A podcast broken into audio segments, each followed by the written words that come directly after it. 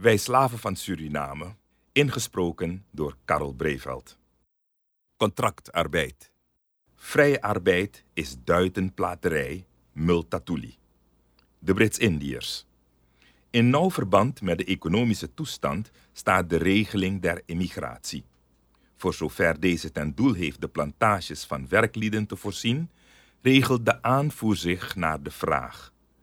Ten aanzien van de verder reikende doelstelling, kolonisatie door immigratie, bestaat er geen reden deze stop te zetten, maar alleen aanleiding in verband met de beschikbare geldmiddelen in langzaam tempo voort te gaan.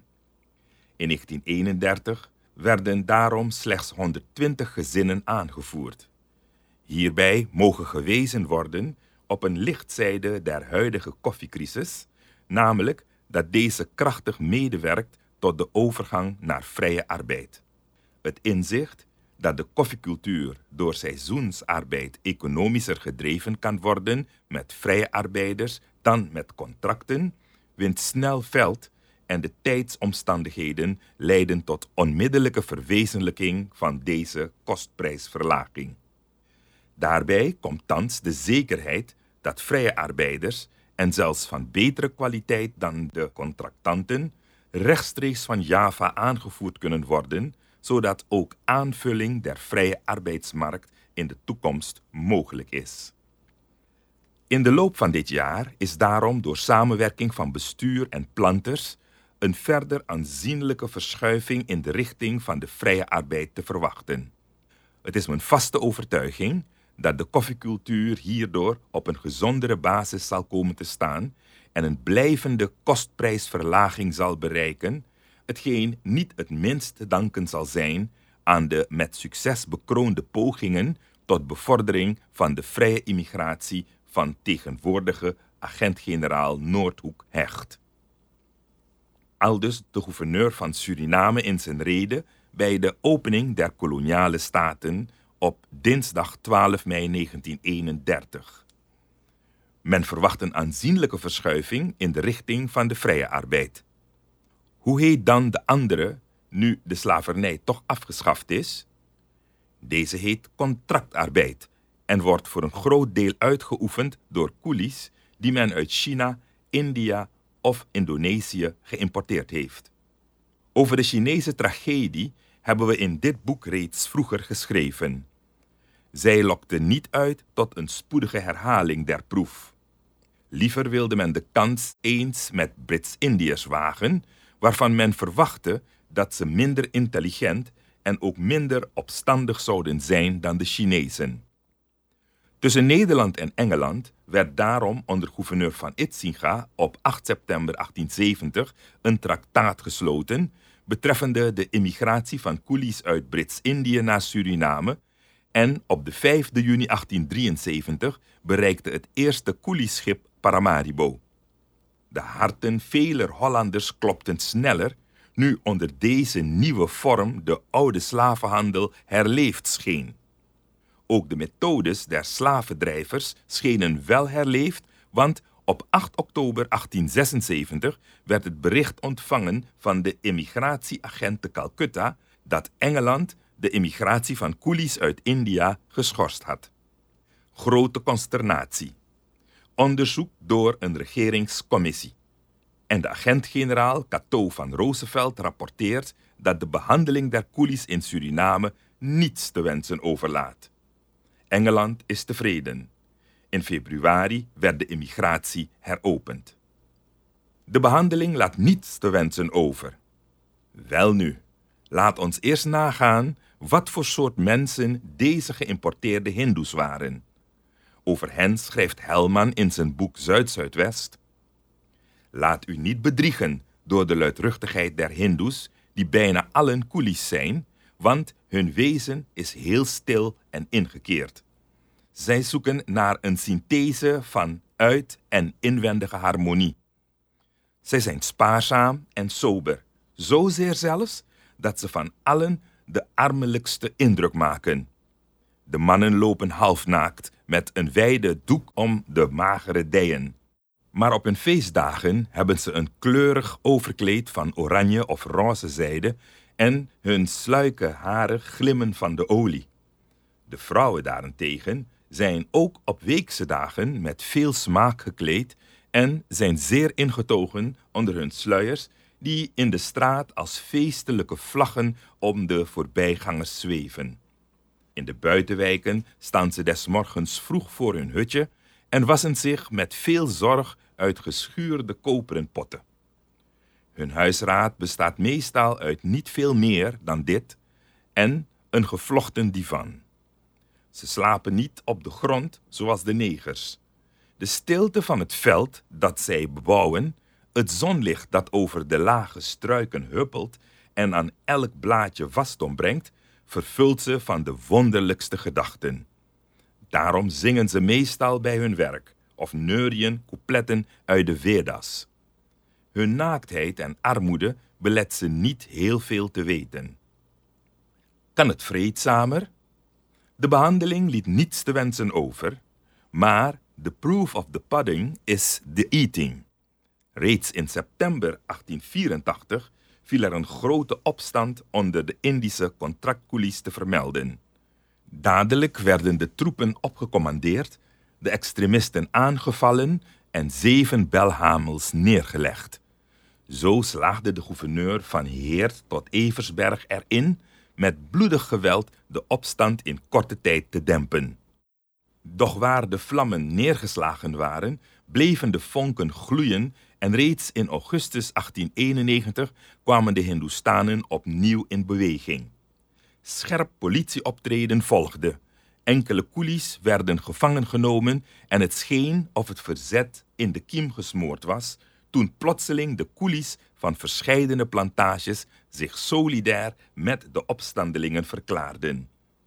Ditmaal kwam het tot heftige botsingen met de gewapende macht en de rust keerde niet weer voordat opnieuw twee koelies gedood en tal van anderen gewond waren. Grote verontwaardiging maakte zich meester van de rijke planters en zij dienden bij de gouverneur een adres in. Ten einde een eind aan deze onhoudbare toestand te maken, wordt de hulp van het bestuur ingeroepen tegen de baldadigheid der Brits-Indische immigranten. Tegelijkertijd stuurden de beheerders en eigenaren in Holland een gelijksoortig verzoek aan de minister van Koloniën, eisende dat strenge maatregelen zouden worden genomen tegen de voortdurende verzetsbeweging onder de Brits-Indische coolies. Dat de klachten over mishandeling, over uitputtend werk, over mensonwaardige lonen, tot nog toe meestal dove oren op het gouvernementsgebouw vonden, kon men in deze adressen natuurlijk niet lezen. Des te duidelijker echter sprak het uit het verzet der coolies zelf, welke nu verscheidene plantages afliepen en in hun verbittering meer dan duizend koffieplanten uitrukten. Ten slotte kwam het tot een definitief gevecht tussen de coolies en de kolonisators, waarbij de laatsten door hun betere wapens erin slaagden het verzet voor goed te breken. De Brits-Indiërs hadden aan de lijf ondervonden dat hun kleine groep, gescheiden van de overige bevolking, niet in staat was voor betere levensvoorwaarden te strijden. Ze schikten zich zo goed en kwaad het ging in de omstandigheden en thans schrijft Helman: Een harde arbeid in tropisch klimaat geeft ze soms het geld om terug te keren naar hun hoge oude tempels in Benares. Maar meestal sterven ze hier in het souterrain van een stinkend hospitaal of in het barak van een afgelegen plantage. De jongeren zien dat er een doffe wanhoop komt over hen. Geen wijze boeken kunnen ze meer redden, en de schone gedichten maken hun heimwee slechts schrijnender. Zij achten elkanders leven niet meer en moorden om een kleinigheid. Zij ontzien de vermanende pandiet, maar beminnen hem niet. De Indonesiërs. Honger en gebrek drijven de uitgebuite Indonesische koelies ertoe de Dessa te verlaten. De roep van de ronselaar te volgen en op goed vertrouwen in Suriname een beter bestaan te zoeken. Ook hun verwachting werd bedrogen. In augustus en november 1890 werden de eerste 94 Indonesiërs geïmporteerd. Deze arme drommels waren door de rijke Nederlandse handelmaatschappij overgehaald om gedurende vijf jaren als contractcoolies op de plantage Marienburg te gaan zwoegen. Men vond in hen willige proletariërs en in juni 1894 kwam het eerste grote aantal Indonesische emigranten te Paramaribo aan. Van de 612 koelies die als haringen in een ton in het scheepsruim ingepakt waren, stierven er gedurende de reis 32 ten gevolge van slechte voeding, onvoldoende lucht en smerige slaapplaats. Voor de ontscheping op de reden van Paramaribo stierven er nog ongeveer 16, terwijl 200 van hen zwaar ziek in het militair hospitaal moesten worden opgenomen. Ofschoon de tegenwoordige transporten niet meer dergelijke sterftecijfers vertonen, is de verscheping van koelies naar Suriname nog altijd zodanig dat zij allen die het ooit meegemaakt hebben met de grootste verbittering moet vervullen. Komen deze Indonesiërs eenmaal op de plantages, dan moeten ze daar zwaar werken in de brandende zon zonder ooit de kans te krijgen om maar tien gulden over te houden om naar het vaderland terug te keren. Men begrijpe ons niet verkeerd, wij Surinamers zijn in het geheel geen tegenstanders van een werkelijk vrije immigratie van arbeiders en arme boeren in een welvarend Suriname. Ons land is rijk en groot genoeg om, bij behoorlijk bestuur, aan velen welvaart te schaffen. Wij zijn bereid om ook aan de Indonesiërs als aan alle werkers gelijke rechten toe te kennen.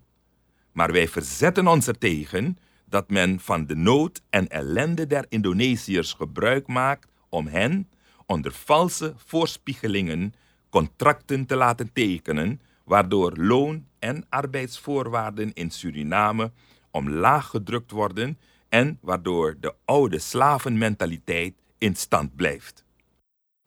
Wij verzetten ons ook tegen het opvallende onderscheid dat gemaakt wordt wanneer er toevallig eens sprake is van immigratie van blanken in plaats van gekleurden.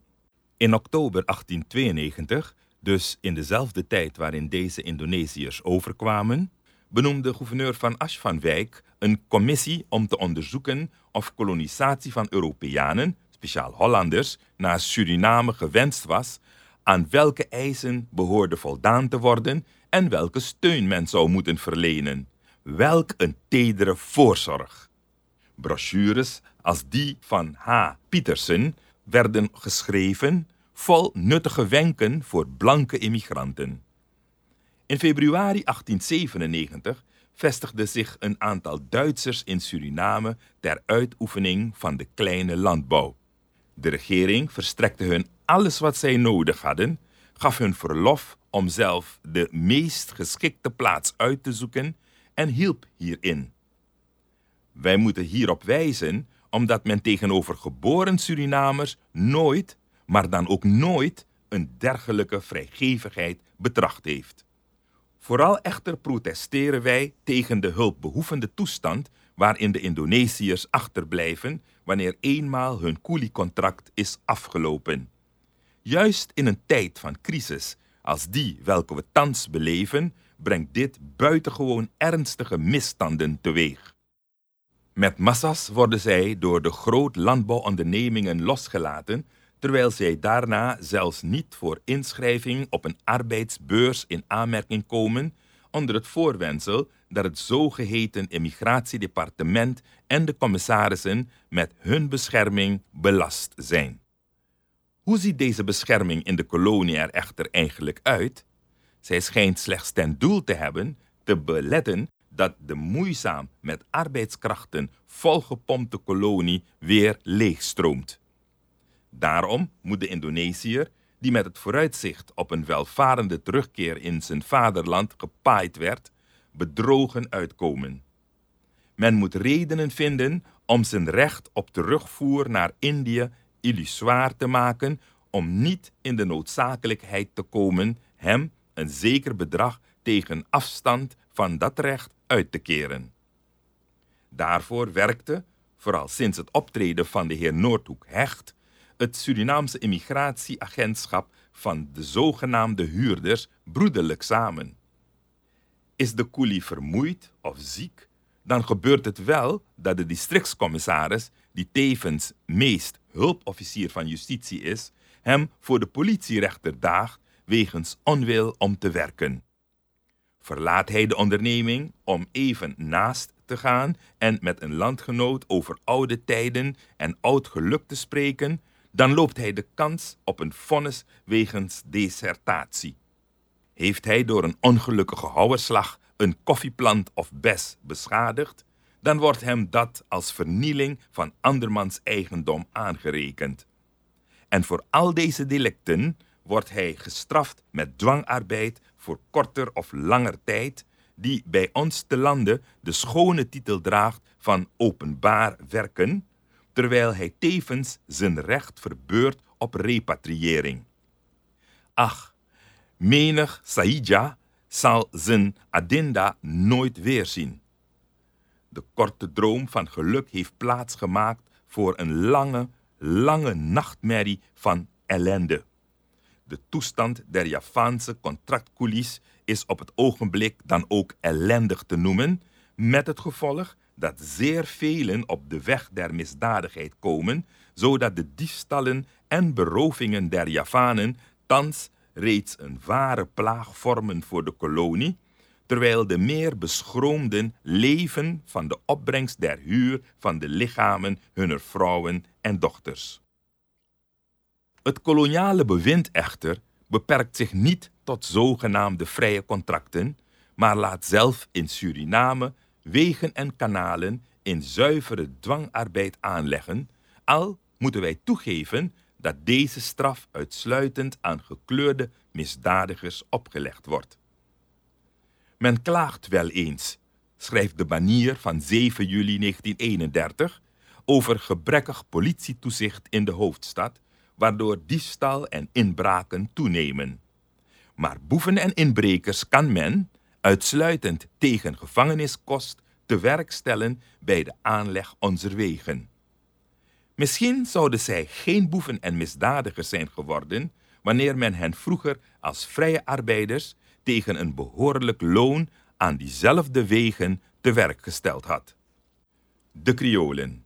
Het voorrecht van de contractarbeid is echter niet uitsluitend voor geïmporteerden weggelegd. Ook Surinamers zelf kunnen ermee kennismaken wanneer zij zich bij een der Balata-compagnieën of andere ondernemingen aan laten werven. Onder verwijzing naar het bovenbehandelde livret willen wij hier nog het een en ander over hun werkwijze en arbeidsvoorwaarden mededelen. Er heerst een ongewone drukte in de omgeving van de afvaartsteiger. Ezels voor tweewielige karren gespannen trekken traag hun vracht voort. Zij storen zich niet aan de hoed, hoed van de voerman. Mannen dragen zware koffers met riemen gebonden op hun rug. Knappe, in bonte gekleurde geklede vrouwen met stijf gesteven, gebatikte hoofddoeken balanceren glimmende koperen tijlen vol lekkernijen op het hoofd. Van de laatste stuivers zijn deze voor vader gekocht. In de roeiboten die een dagenlange reis zullen moeten maken, zetten de arbeiders zich neer tussen de lading. Moeder is reeds vaarwel gekust. Tamboen en ze vertrekken. Dagenlang hierna volgt de prospectie. Dit terreinonderzoek geschiet ongeveer in vier maanden.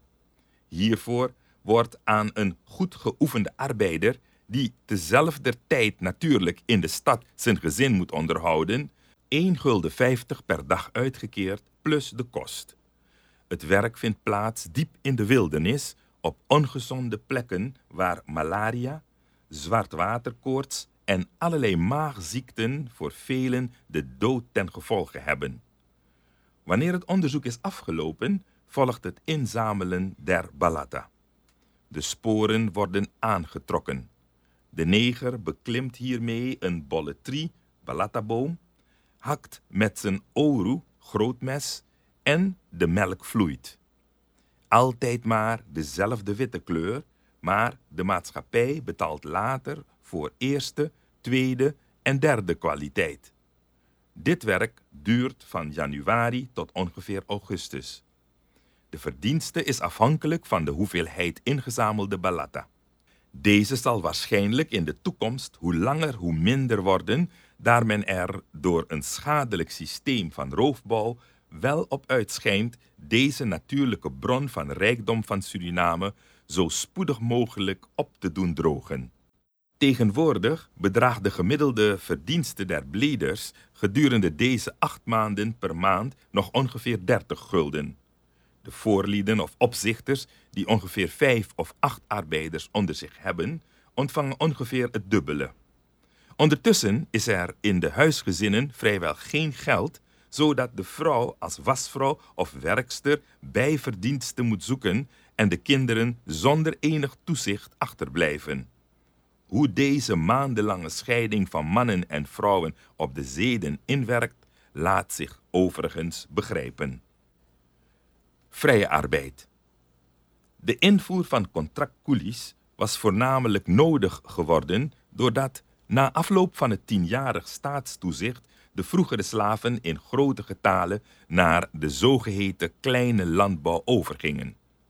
Nu had men dit natuurlijk van regeringszijde als een voldongen feit kunnen aanvaarden en het als basis van de opbouw van het economische leven in de kolonie beschouwen. Dit waren de natuurlijke weg geweest om de bevolking tot welvaart te brengen en indien men die weg had betreden, zou Suriname thans de leverancier zijn van tuinproducten voor Curaçao, iets waartoe dit schaars bevolkte land veel geschikter is dan voor de grote landbouw. Niemand dacht echter hier aan. De regering concentreerde al haar aandacht op de grote ondernemingen en beschouwde de kleine landbouw slechts als een noodzakelijk kwaad dat arbeidskrachten onttrok aan de plantages en hoogstens nog goed genoeg was om bepaalde stapelproducten voor de groothandel te kweken. Anderzijds bedrogen de Surinamers zich wanneer zij dachten dat zij op hun grondjes werkelijk vooruit konden komen. De pachten die zij moeten opbrengen zijn namelijk zeer hoog. Op dit ogenblik geldt een boer die het in de kleine landbouw tot een inkomen van 300 gulden per jaar kan brengen voor een man in bonus. Laten we eens nagaan wat de Chimburus, kleine landbouwers, zoal ontbreekt om tot welvaart te komen. In de eerste plaats zijn ze natuurlijk sterk afhankelijk van een goede verbinding, zowel met de stad als met de buitenwereld. Hier vinden ze reeds dadelijk op hun weg het monopolie van de Koninklijke West-Indische Maildienst, wier tarieven zo excessief hoog zijn dat men op Curaçao nog goedkoper de goederen uit de Verenigde Staten of Zuid-Amerika in kan voeren. Doch ook het verkeer van de landbouw met de handelscentra in het land zelf is zeer gebrekkig. De doorlopende verbinding bestaat niet anders dan te water. Weliswaar bezit Suriname een spoorweg, maar deze gaat regelrecht naar het binnenland. Hij is alleen aangelegd met het oog op de goudexploitatie, heeft geen aansluiting met het spoorwegnet van Zuid-Amerika en is van volkomen onwaarde voor de onderlinge verbinding der landbouwdorpen. Bovendien zijn in de laatste jaren de spoorwegtarieven zo ongemotiveerd hoog opgeschroefd en de treinenloop zo beperkt dat bijvoorbeeld Lelydorp en omstreken bijna ontvolkt werden en de kleine landbouwers hun landbouwproducten grotendeels met ossen en ezelskarren vervoeren, waarbij zij langs de spoorweg vaak afstanden van meer dan 40 kilometer te voet afleggen. De verhoging der spoortarieven heeft geen andere gevolgen gehad dan een grote vermindering van het passagiersvervoer en een constante afname der bevolking in de eerste parazone. Ieder district waar kleine landbouwers wonen, leidt op zijn beurt onder deze verkeersmoeilijkheden. In Coronië, een district waar zelfs gewone landwegen ontbreken, legde de bevolking zich zonder enige regeringssteun toe op de verkoop van kokosnoten, een typisch product voor de kleine landbouw. Plotseling verbood het bestuur in 1932 deze noten naar de stad te verschepen. Meer dan 25.000 stuks noten bleven onverkoopbaar op de plaatselijke markt staan, terwijl er toch te Paramaribo een goede prijs voor viel te maken. Ditzelfde Coronië brengt uitstekend vee voort en zou de teelt hiervan nog gemakkelijk kunnen uitbreiden. Het eigenaardige is echter dat men dit vee niet kwijt kan, terwijl toch tegelijkertijd voor Paramaribo vlees uit Demerara, Brits-Guyana, ingevoerd wordt. Dit komt omdat alle transport tussen Paramaribo en Coronië over zee gaat met veel te kleine, oude en versleten boten. Grote vaartuigen moeten in Coronië minstens een paar uur uit de kust ankeren. Passagiers en goederen worden met levensgevaar in volle zee overgelaten in een soort lichter, welke geroeid wordt over de brede modderbank die zich voor de kust afgezet heeft. Alleen bij hoogwater kan dit kunststukje met succes gebeuren. Vervolgens moet dan nog een kanaal van 5 kilometer lengte worden afgeroeid eer daadwerkelijk Coronië bereikt is. Bij gewoon weer is deze landing reeds zeer lastig, bij enigszins zware golfslag vrijwel ondoenlijk, zodat herhaaldelijk de verscheepte goederen ernstig worden beschadigd. Vaak komt het voor dat de passagiers tot 15 uren lang in volle zee in een open roeibootje de komst van de stoomboot af moeten wachten. En toch zou een landweg die Coronië met het over Sranang verbindt, zeer gemakkelijk zijn en zonder bijzondere kunstwerken tot stand kunnen komen. Daardoor zou een gebied ontsloten worden dat zich uitstekend leent voor de kokosnotencultuur, vee- en pluimveefokkerij en de exploitatie van ontzaglijke houtcomplexen. Maar hier, zowel als elders, ontbreken de wegen en zelfs van een behoorlijk wegenplan is, ondanks alle staatscommissies, geen sprake. En toch, hoe makkelijk zou men dergelijke wegen kunnen maken in een land waar de gebrande klei zo goedkoop is en de bodem vol zit met schelpenritsen? Begaanbare wegen in Suriname zijn een eerste voorwaarde voor de opbloei van de kleine landbouw aldaar. Ook de waterstaat is in desolate toestand.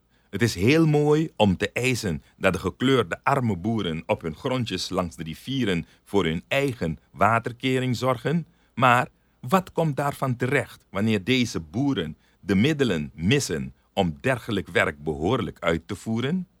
Een deel van Charlesburg en de terreinen aan weerszijden van de spoorbaan Bezuiden-Lelydorp staan chronisch blank door de afwezigheid van lozing voor de grote watermassa uit de zwampen. Het voor de lozing van deze terreinen in de tijd gegraven Tulifu-kanaal functioneert niet door verwaarlozing en gebrek aan diepte. De kleine landbouwers op Mattonshoop zijn, doordat de communicatieweg dichtgegroeid is, volkomen van een behoorlijke gemeenschap met de buitenwereld afgesloten. Overal en altijd weer is de kleine landbouwer de dupe en van vrijstelling of afslag van huur, het enige dat hem zou kunnen helpen, is geen sprake. Daarbij komt dat een landbouwschool in de kolonie ontbreekt, terwijl de enkele cursussen natuurlijk onvoldoende zijn om de nodige kennis voor een rationeel modern landbouwbedrijf bij te brengen. En toch blijft het gouvernement de kleine landbouwers aansporen tot het verbouwen van zogeheten stapelproducten in plaats van een eenvoudige en lonende cultuur aan te moedigen. Geen wonder dat men dan, na de schijnbare voorspoed als die met de cacao, plotseling voor een catastrofe komt te staan als die welke door de krullotenziekte werd veroorzaakt. En toch blijft men de grote landbouw op iedere wijze tegemoetkomen door opschorting van de geneeskundige belasting, 40.000 gulden, door renteloze gouvernementsvoorschotten aan de koffieplantages, door invoering van nieuwe cultures voor het grootbedrijf, terwijl men tegelijk de kleine landbouwer nergens in te hulp komt. De Hindoestanen van Kommerwijnen klagen dat de commissie voor de huurwaardebelasting vaak gebouwen voor 60 gulden huurwaarde aanslaat die nog geen 60 gulden aan bouw gekost hebben. Bij de vaststelling der inkomstenbelasting worden soms willekeurige maatstaven aangelegd. Daarbij komen wegenonderhoud en stijgergeld. De heer Putcher vertelde in de koloniale staten hoe een Brits-Indiër zijn stijger afbrak en voortaan door de modderwaarde, omdat hij de belasting niet kon betalen. Voor ongeveer twee jaren is er sprake van geweest dat met behulp van Amerikaans kapitaal in Suriname een nieuwe cultuur in het leven zou worden geroepen. De vooruitzichten waren goed, omdat voor het product een afzetgebied werd geboden. In de Verenigde Staten was behoefte aan een grondstof voor de lakfabricatie. De alcohol uit het zetmeel van de bittere xave schijnt bijzonder goede eigenschappen te bezitten voor de samenstelling van fijne metaallakken. Met het oog op het voornemen om uit Suriname de grondstof van de alcohol te betrekken, hield zich gedurende de tweede helft van het jaar 1927 een Amerikaanse zakenman in Suriname op. Doch eerst een jaar later werd in Nederland aan het plan van een cassavecultuur in Suriname meer aandacht geschonken en volgde een nader onderzoek in de kolonie. Suriname is echter niet gelukkig. Worden zijn kansen niet door overdreven optimisme bedorven, dan geschiet dit vaak door onrechtvaardig pessimisme. In beide gevallen moet bijna altijd de hoofdoorzaak worden gezocht in onjuiste meningen omtrent de werkelijke toestanden in het binnenland.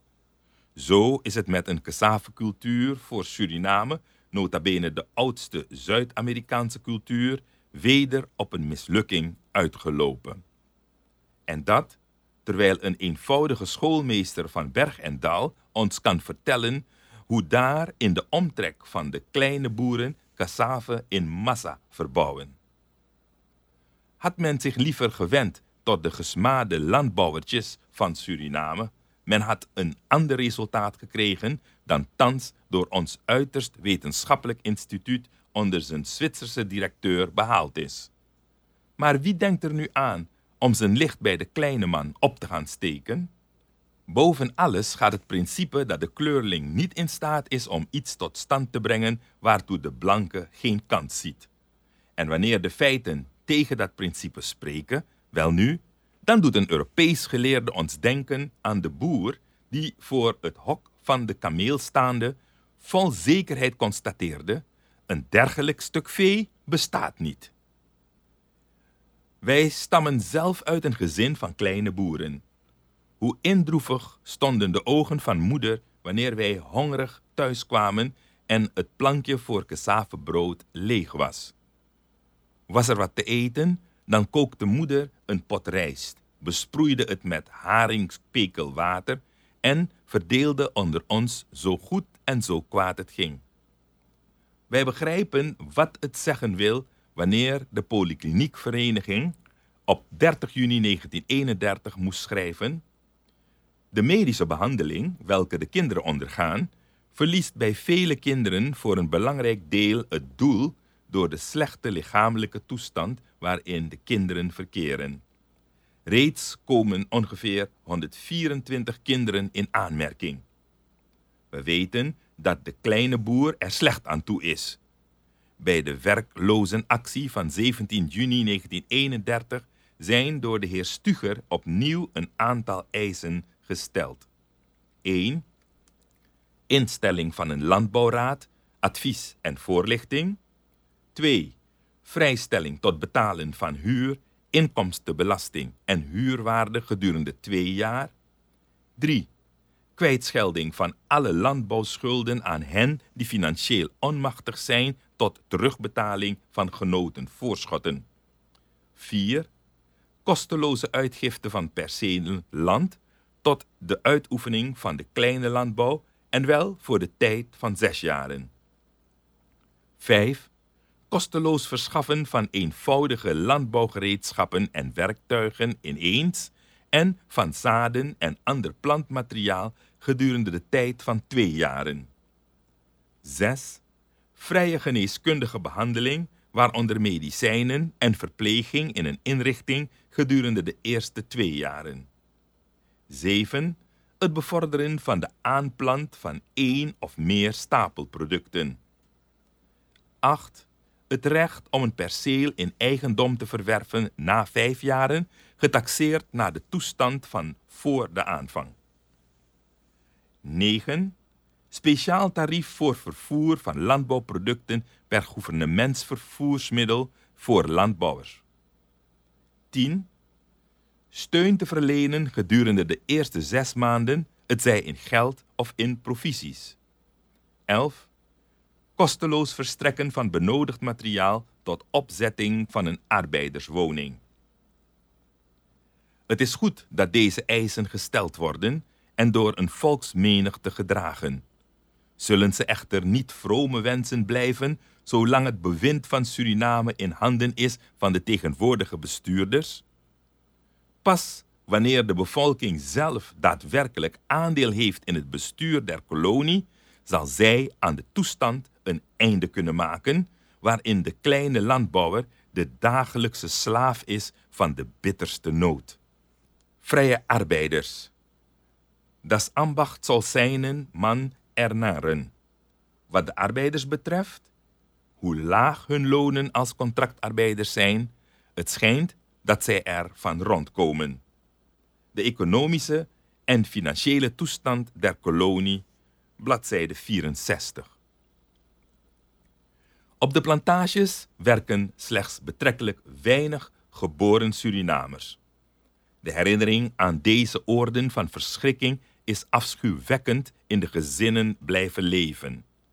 Wanneer grootvader, toen wij nog kinderen waren, verteld heeft: Op die en die plantage ben ik met een zevenhoekse Spaanse bok gestraft geworden, daar is grootmoeder vermoord omdat ze de meester niet ter wille zijn wou, daar is oom Jansi of tante Leza opgehangen, dan kan men bij ons bezwaarlijk een groot enthousiasme verwachten om zich tegen een dagloon van 60 cent per dag voor mannen of 40 cent voor vrouwen naar diezelfde plantage te spoeden. Nog eerder begeeft de Surinamer zich naar de goudvelden of de balata-exploitanten, waar hij tenminste 1 gulden 50 of 2 gulden per dag kan verdienen. Bovendien zegt het regeringsverslag weer houden men bij de beoordeling van de bovengegeven looncijfers in het oog dat ook de arbeidersvrouwen contractarbeid verrichten en het gezin dus niet alleen op de verdiensten van de man is aangewezen. Inderdaad, onze vrouwen in Suriname verrichten contractarbeid en alle andere soorten arbeid daarenboven. Anders zou het raadsel niet op te lossen zijn hoe men, al is het dan maar met wat rijst, bananen, brood en gezouten vis, of als er bijzondere welvaart heerst, een stukje gezouten vlees of spek, een gezin in het leven kan houden in dat dure Paramaribo, waar de eenkamerkrotten acht gulden huur in de maand doen, terwijl men voor een woning met twee of twee en een halve kamer van 20 tot 25 gulden in de maand moet betalen. Onze vrouwen werken als kotjes, werk- en kindermeiden, als wasvrouwen en huisbedienden, in fabrieken en op de plantages. Door geen wet beschermd werken onze vrouwen dagenlang voor lonen van 8 gulden in de maand met de kost of 35 gulden zonder kost. Afgebeuld komen ze thuis en doen dan het huishouden voor de man en voor de kinderen. De laatsten moeten overdag het ouderlijk toezicht ontberen. En de kinderen groeien op. Zo mogelijk laten we ze geen contractarbeiders worden.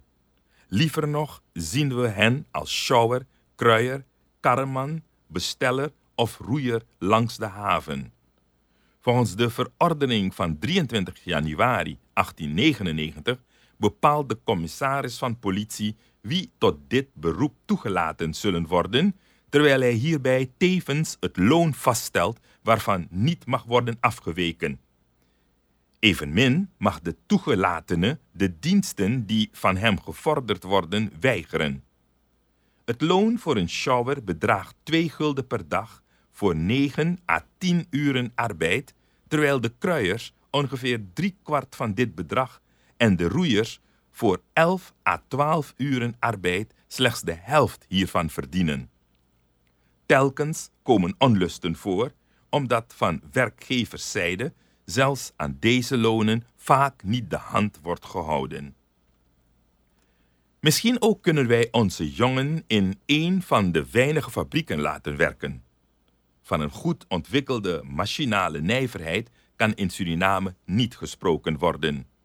Gas kost 14 cent per kubieke meter voor motoren, 20 cent per kubieke meter voor particulieren, zodat dit en elektriciteit in geen proletariërshuis voorkomen. Verder is er gebrek aan grondstoffen en reparatieinrichtingen. Het loon is ongeveer gelijk aan dat van de plantagekoelies. Arbeidsinspectie bestaat niet. En de banier schreef: Op de toestand en deugdelijkheid van bestaande inrichtingen, daarop wordt door de overheid geen acht geslagen. Zo zijn er rijstpelmolens wier stoomketels en vuurhaarden verbrand zijn. Koffiedrogerijen op landbouwondernemingen die niet worden nagezien, enzovoorts, enzovoorts. Doordat de machines draaien, wordt er maar los en vast gewerkt, zonder de deugdelijkheid der onderdelen overeenkomstig de technische voorschriften te controleren, eventueel de ketels te drukken. Technische bediening ontbreekt, de eerste de beste is machinist of motorist. Zo is de toestand overal in de rijstpellerijen en bakovendrogerijen, bij de kokosoliefabrikage en de fabrieken van de gazeuze dranken, bij de houtzagerijen en de lucifersfabrieken. Een vakorganisatie bestaat niet om de belangen van industriearbeiders te verdedigen. Doch over het algemeen tracht de jonge Surinamer zoveel mogelijk het een of ander ambacht te leren, niet omdat hij hiermee zijn maag kan vullen, één gulden per dag is in Suriname normaal, zowel voor de fabrieksarbeider als voor de ambachtsman, maar omdat dit hem later in staat kan stellen naar het buitenland te emigreren, waar men die luie Surinamers gaarne aanvaardt als goede arbeidskrachten. Het leren van een ambacht valt echter niet mee. In de eerste plaats worden de jongens door de nood in de gezinnen veelal gedwongen zo vroeg mogelijk geld te gaan verdienen. In de tweede plaats is er geen sprake van een omvangrijk en behoorlijk ambachtsonderwijs in de kolonie. De overheid zelf past op beekhuizen het onbezoldigd halfwassysteem toe, dat helaas meer en meer navolging vindt bij particulieren. Met het dalen van het welvaartspeil komt het dan meer en meer voor dat de ouders niet meer in staat zijn de jongens behoorlijk van kleding te voorzien waarin zij naar hun werk kunnen gaan. De jongens blijven rondom huis hangen, voeren eerst allerlei kattenkwaad uit en worden tenslotte langzaam maar zeker kandidaten voor het tuchthuis. Heeft een jongen eenmaal een ambacht geleerd en komt de tijd dat hij zich als eigen baasje wil vestigen, dan ontbreekt hem het geld voor de aanschaffing van goede gereedschappen, grondstoffen en goederen die hij in voorraad moet hebben. Zo valt hij reeds bij het begin van zijn loopbaan in handen van kredietgevers, die verder vaak zijn gehele leven op de arme tobber blijven parasiteren. Is het dan wonder dat er ook in deze kringen gebrek heerst en dat de meeste gezinnen altijd in het krijt staan bij een of andere Chinese winkelier die niet eens meer de moeite neemt om de waren te wegen, maar volgens de barometerstand van zijn humeur de zakjes meer of minder gevuld meegeeft? Is het dan een wonder dat men zich in de hoop door het geluk uit deze misère verlost te worden overgeeft aan het piauwspel? Welke andere wegen staan open?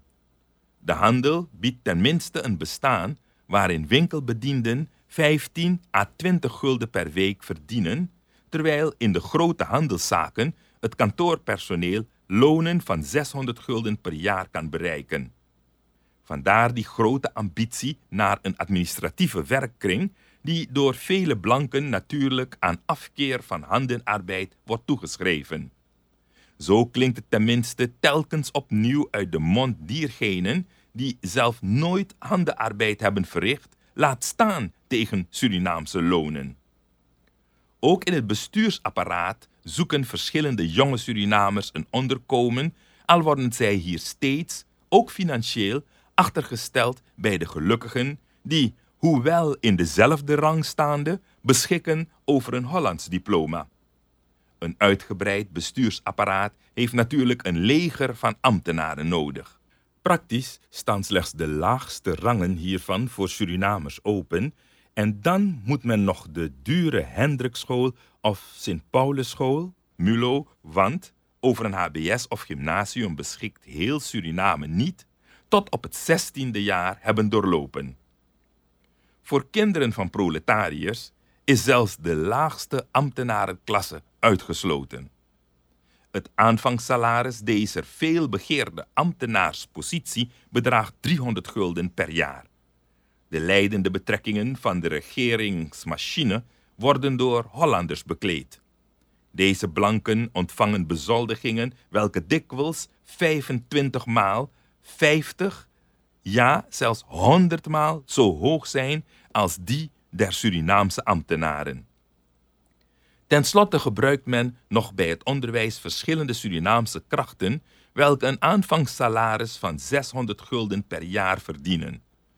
De hoge onderwijsbetrekkingen, leraars enzovoorts worden meestal van Holland uitgezonden en om het ook maar enigszins verder in de wereld te brengen, is studie in Holland voor de Surinamer noodzakelijk.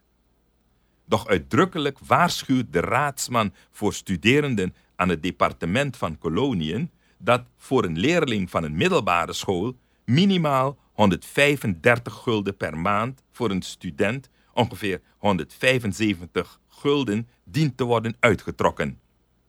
Indien men deze cijfers dan bovendien nog verhoogt met de kosten van heen- en terugreis, dan is het wel duidelijk dat alleen de kinderen van enkele zeer bevoorrechte Surinamers zich de weelde van zulk een wetenschappelijke opleiding veroorloven kunnen. Men telle hierbij het nadeel van onvoldoende onderwijs op grotendeels bijzondere scholen, het feit dat men van kinds af in een vreemde taal heeft moeten denken, de drawback van een studie in vreemd klimaat, ver van verwanten en vrienden, men vergelijkt de kosten eens met de in Suriname geldende lonen en men vertellen ons dan nogmaals welke kans de Surinamer heeft om zelfs op bescheiden wijze in zijn onderhoud te voorzien.